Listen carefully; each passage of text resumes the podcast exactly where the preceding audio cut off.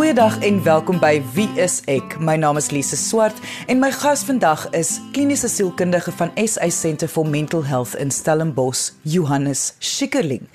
En ons gaan gesels oor ouers en die effek wat ouers op eintlik die vraag wie is ek het of hulle nou nog lewe of jy nou goeie of 'n slegte verhouding met hulle het en of hulle selfs al oorlede is. Johannes, ek dink ons moet begin met die basislyn van wat is die verskillende fases wat 'n kind met hulle ouer deurgaan tot volwassenheid. Wel Lise, dis eintlik 'n geweldige interessante proses waardeur 'n kind gaan. So as 'n kind gebore word, dan is hulle eintlik een met die ouer op 'n psigologiese vlak. Hulle kan nie onderskei tussen die self en byvoorbeeld die primêre versorger soos die ma nie. So en dan ontwikkel dit na ons weet natuurlik na die terrible twos toe waar 'n kind dan begin hulle eie identiteit vorm en eintlik daai permanensie ontwikkel van ek is anderste as jy en my behoeftes is anderste as jou behoeftes en dit is oukei. Okay. So ontwikkel dit dan verder in die tienerfase in waar daar regtig 'n rebellie gebeur en dan meer na die volwasse rol wat 'n kind dan aan, aanneem waar hulle dan volledig emansipeer, waar hulle 'n volledige identiteit het van hulle eie wat kan kontrasteer met ouers of dan nie op sekere vlakke wel dieselfde is, maar die ouers se invloed het 'n geweldige impak op dit wat 'n kind is vanweë die feit dat alles wat in daai verhouding gebeur eintlik 'n spieelbeeld is vir die kind oor homself en hoe hy teen teen een met die samelewing gaan omgaan. Kan jy dalk vir ons net verduidelikheid, miskien net sê hoe lyk 'n volwassene wat hierdie fases op die regte manier, nou dis in aanhalingstekens, op die regte manier deurgegaan het? Mense sal hier 'n volwassene sien wat 'n goeie identiteit van sy eie het. Met ander woorde, maak nie saak dit wat my ouers doen nie, maak nie saak dit wat die omgewing doen nie, ek is my eie mens en ek is standvastig in daai. En wat dan op sy eie manier verhoudings met verskillende mense het in 'n in sy omgewing. Het sy dit met 'n baas, het sy dit selfs met ouers, broers en susters, familielede, maar dat die identiteit standvastig bly.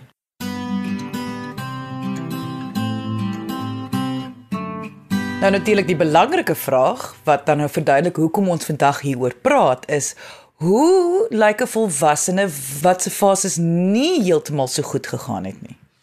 Ons sien dat sulke volwassenes eintlik baie sukkel om hulle eie identiteit standvastig te hou.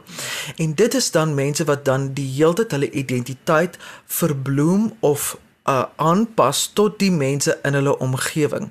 Met ander woorde, as mamma by my is, dan word ek weer 'n klein seentjie. As pappa by my is, dan is ek dan 'n groot man. As my sussie by my is, dan verander ek ook daar my identiteit. En en hier praat ons reg oor identiteitsverandering. Natuurlik is 'n mate van aanpassing altyd gesond. Ons wil nie hê iemand moet totaal rigied wees nie, maar jy moet ten minste jou eie standpunt kan hou. Maak nie saak wie ook al in jou omgewing omgewing is nie. En hierdie tipe volwassenes sukkel geweldig hiermee. Wat hulle ook mee sukkel is dat as daar 'n konfrontasie is of selfs al is 'n ouer net in hulle omgewing, dat hulle dan sekere triggers het. Met ander woorde, sekere goederes word ontlont. As die ma sê, "Ag, help my gou om iets uh, uit die kas uit te haal," dan ontplof die kind. Of ehm um, is selfs so 'n eenvoudige ding, want die interpretasie van dit wat die ouer doen, word uh, deur gekleurde glase gesien. As jy vir my vra om iets gou te gaan haal, dan sien ek 'n uh, neutrale kleur deur die bril.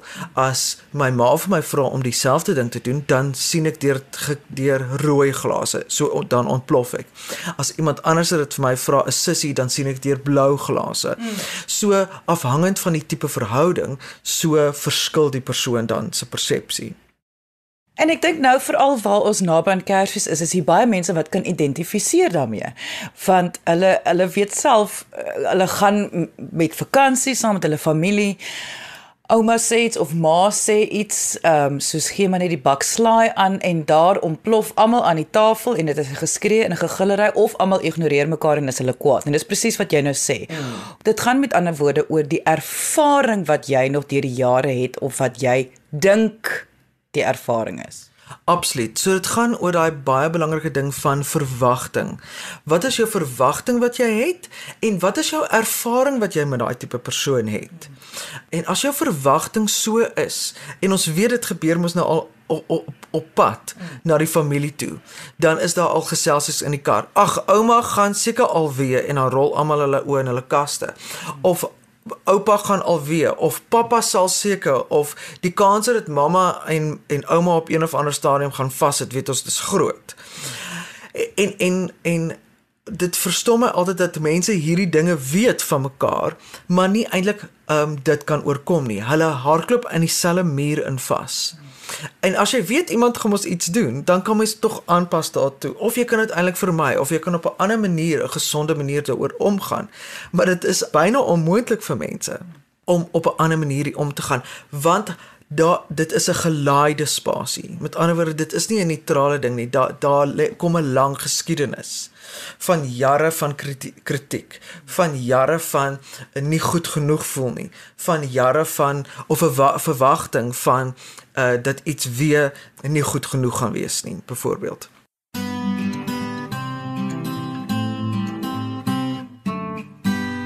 So met hierdie verwagting gaan mense dan in en dan trigger dit natuurlik. Soos die oomblik wat iemand sê, "Welkom, kom gerus in die huis in.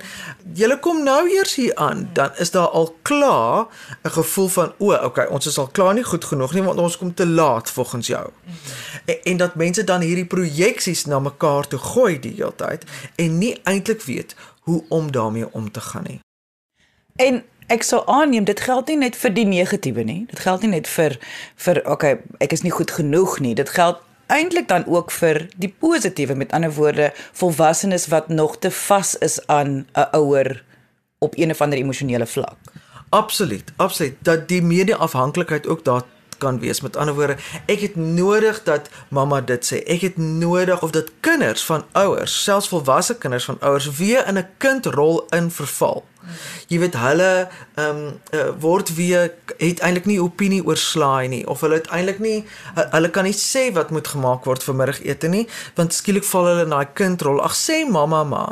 Ag mamma is alles. Mamma weet die beste. En dan as hulle in die kamer ingaan dan wil hulle hulle uh, longe afskree van frustrasie, maar as hulle uit daai kamer uitstap dan dan is dit weer mamma mamma mamma.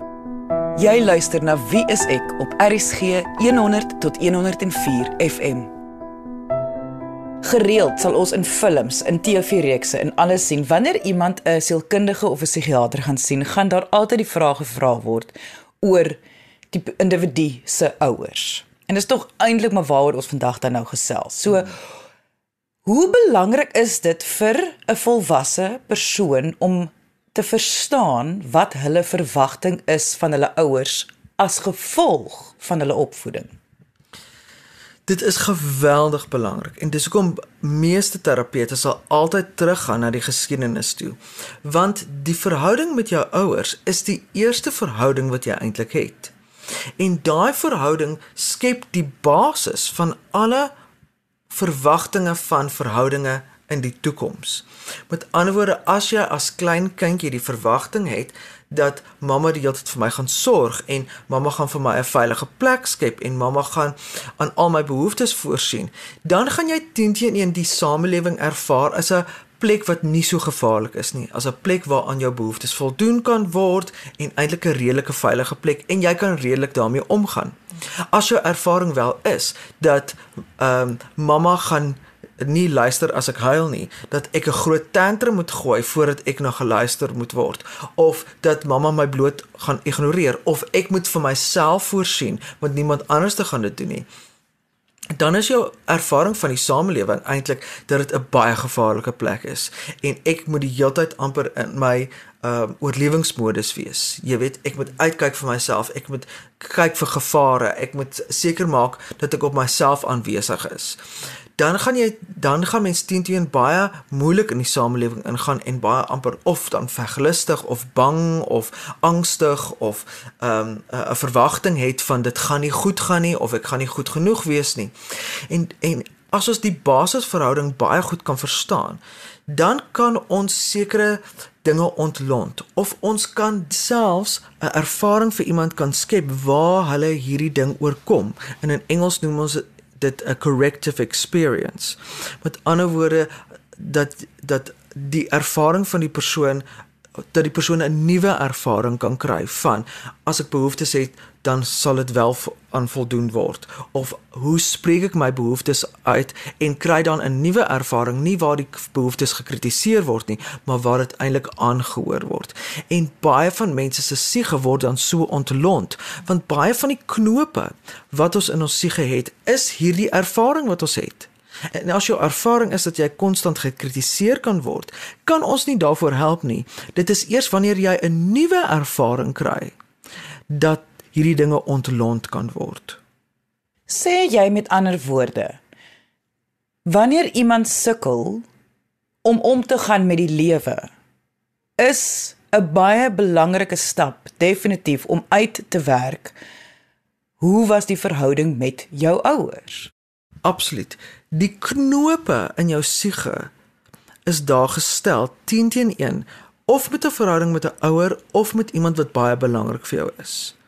En dat jou verwagting en jou ervaring is 10 teen 1 wat negatief is of wat nie akkuraat is tot 'n tot 'n omgewing nie.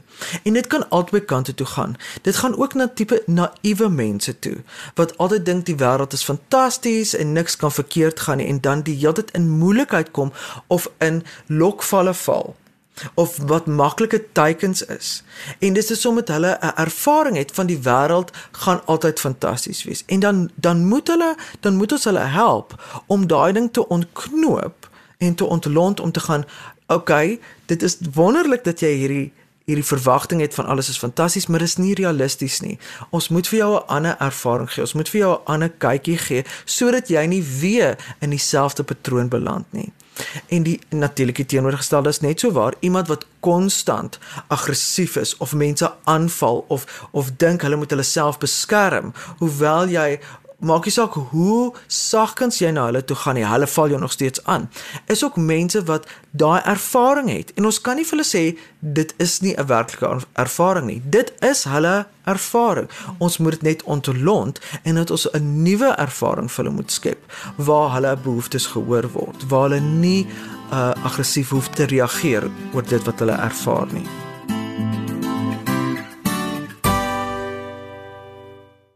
Indien jy nou eers ingeskakel het en graag die volledige episode wil luister, kan jy die potgooi gaan luister op RSG se webwerf by rsg.co.za.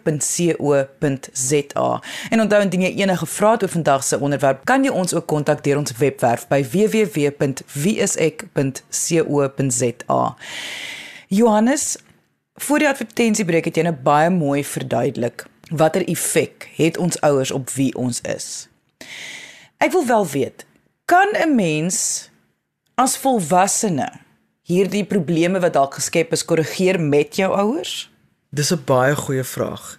En dit hang eintlik maar af van die verhouding wat daar is en die geskiedenis wat daar is en natuurlik mense se bereidwilligheid. In my ervaring wat ek sien is sodra kinders aan dit begin werk op 'n individuele vlak, byvoorbeeld in terapie, dan gebeur daar wonderlike dinge en dat ouers dan op 'n manier dit of aanvoel of daar gebeur iets waar daar dan 'n opening is eintlik vir ouers wat 'n bereidwilligheid skielik het uit die bloute uit om wel daaraan te werk. So daar gebeur iets in die kollektiewe onbewus van 'n familiestruktuur dat as iemand begin um vrede soek en en begin 'n uh, versoening maak dat dit 'n effek het selfs op 'n onbewuste vlak op die res van die familie en dan sien ons regtig daar kan versoening gebeur.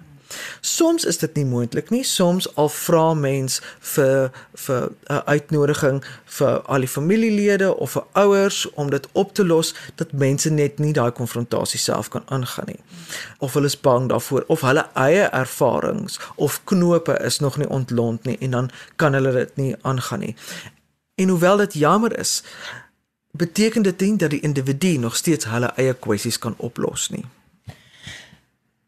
Dit bring my wel terug na die wat ek sien as die mees belangrike woord van hierdie hele gesprek en dit is 'n individu se verwagting van hulle ouers.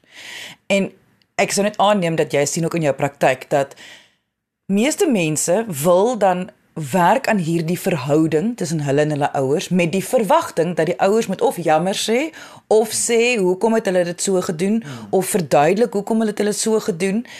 Waar wat jy sê is eintlik moet jy vergeet van dat ouers gaan iets doen. Jy is waar jy is, jou ouers het hulle deel klaar gedoen. Jy is nou 'n volwassene. Maar Die goeie nuus is as jy dan begin werk aan hierdie verhouding met jou ouers net by jouself, gaan dit al klaar 'n verskil maak aan die verhouding. Absoluut, dis so waar wat jy sê. Dit is soos daai ding wat as jy die hele tyd verwag dat iemand anderste moet verander, dan dan gaan jy baie lank wag want jy het geen beheer daaroor nie. En dis amper daai ding soos ek ek gaan gif drink sodat iemand anders te dood gaan. Jy weet dit werk nie.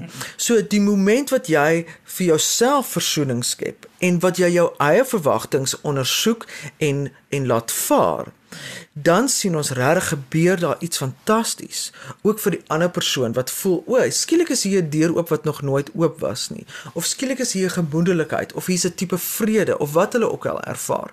Maar jy kan nie die verwagting daar hê dat iemand anderste moet verander nie.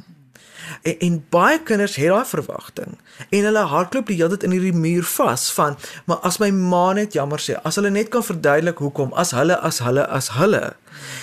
En dit is dit hou jou eintlik vas in daai knoop. En as jy nie bereid is om daai knoop te laat gaan self nie, gaan hy nie ontlont nie.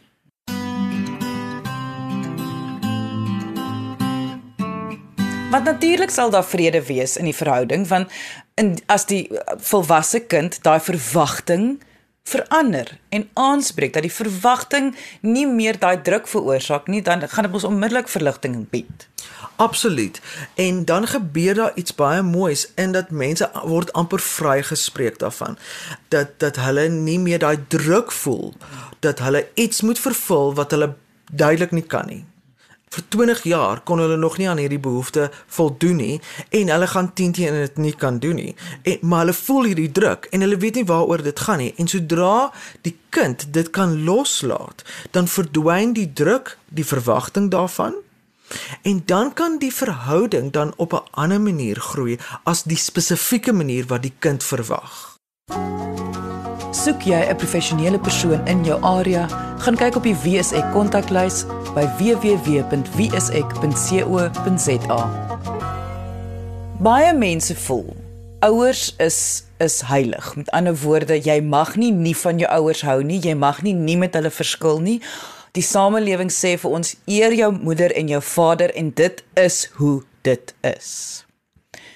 Wat is jou opinie daaroor? Die werk wat ouers doen is fenomenaal. Ek dink dit is een van die moeilikste dinge op hierdie aarde is om kinders suksesvol groot te maak. En en ek dink almal wat kinders het, doen hulle absolute bes. Ek het nog eintlik nooit 'n ouer ontmoet wat regtig intentioneel wil pyn veroorsaak of leed wil aandoen nie, nog geen ouer. En dus dink ek verdien ouers die nodige respek en eer vir dit wat hulle tot die beste van hulle moe vermoë probeer het. Dit beteken nie dat die verhouding 'n fantastiese verhouding gaan wees nie. Dit beteken nie ook dat dit daar nie beperkings is rakende 'n verhouding nie. Met ander woorde, daar lê iets volwasse daarin dat ons weet wat is die beperkings tot ons verhouding. Met my ouers kan ek net sekere dinge bespreek en dan word die vrede bewaar. Of ek kan suksesvol 2 dae lank by hulle kuier. Na dag 3 dan is daar 'n beperking. Want dan kom daar dinge op, ons vryf onnodig te mekaar, dit is nie meer lekker nie en dan weet ons dit daar is 'n beperking en dit is oukei. Okay. Dit sê nie iemand is sleg of simpel of dom of lelik of onnodig nie. Dit is net die beperking van 'n verhouding. En dit is oukei okay. en so het elke verhouding sy beperkings. En baie mense het die verwagting dat onvoorwaardelike liefde beteken dat daar geen beperking is nie. Met ander woorde, ek moet nog steeds as volwasse persoon met alles oor my ouers kan praat of ons moet oor ons moet jare saam met mekaar kan woon. En dit is nie so nie. Een daar is 'n generasiegaping. Twee daar is totaal verander ander verwagtinge. Die omstandighede en milieu waarin elkeen leef is totaal anderste. En dit is oukei. Okay. En ons weet ons kan mekaar tolereer tot op die vlak en daarna moet ons bietjie spasie neem ons elkeen want elkeen is hulle eie individu. En elkeen moet gerespekteer word daarvolgens. En dit beteken dan outomaties dat daar beperkings is. Jy luister na Wie is ek op RSG 100 tot 104 FM. So, wat jy sê is, indien jy nie mal is oor jou ouer nie, gespanne is oor Kersfees wat voorlê of enige familieaktiwiteite wat voorlê.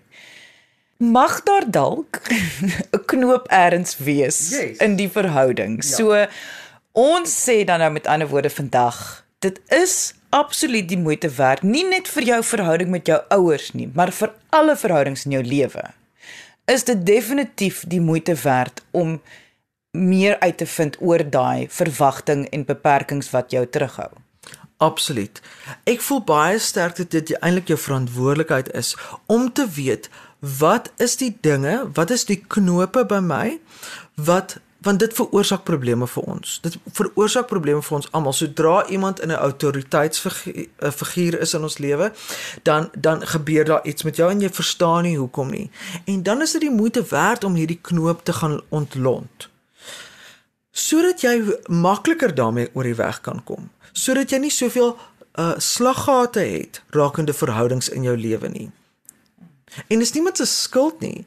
Jou ouers het hulle beste gedoen. Dit is al die ervarings wat ons nou maar optel. En jou ouers het teentjie nie bedoel dat jy hierdie tipe knope het nie, maar ons het dit nou maar. Want dinge gebeur. Met uh, daar's misverstande. Daar is uh krisissituasies waar mense noodwendig dink daaraan nie. En, en dan gebeur hierdie knope. En en dit is ons verantwoordelikheid as volwassenes om hierdie dinge te ontknoop sodat jy die lewe so maklik as moontlik vir jouself kan maak.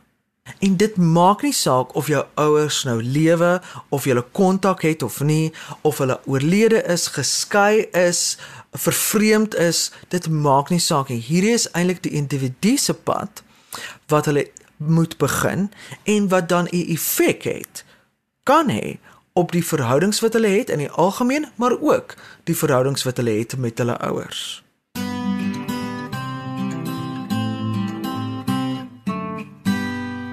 Dit was kliniese sielkundige van SA Centre for Mental Health in Stellenbosch, Johannes Schikkerling. Indien jy enige vrae het oor vandag se onderwerp, kan jy ons kontak deur die webwerf by www.wieisek.co.za of kom gesels saam op ons Facebookblad. Daagliks om 10:00 het ons ook live gesprekke met medies professionele mense oor verskeie sielkundige onderwerpe. So kom vra jou vrae en gesels saam. Dankie dat jy vandag ingeskakel het. Ons maak weer so. Volgende Vrydag 12:30 net hier op RSG. Jy moet 'n heerlike naweek hê en onthou, kyk mooi na jouself.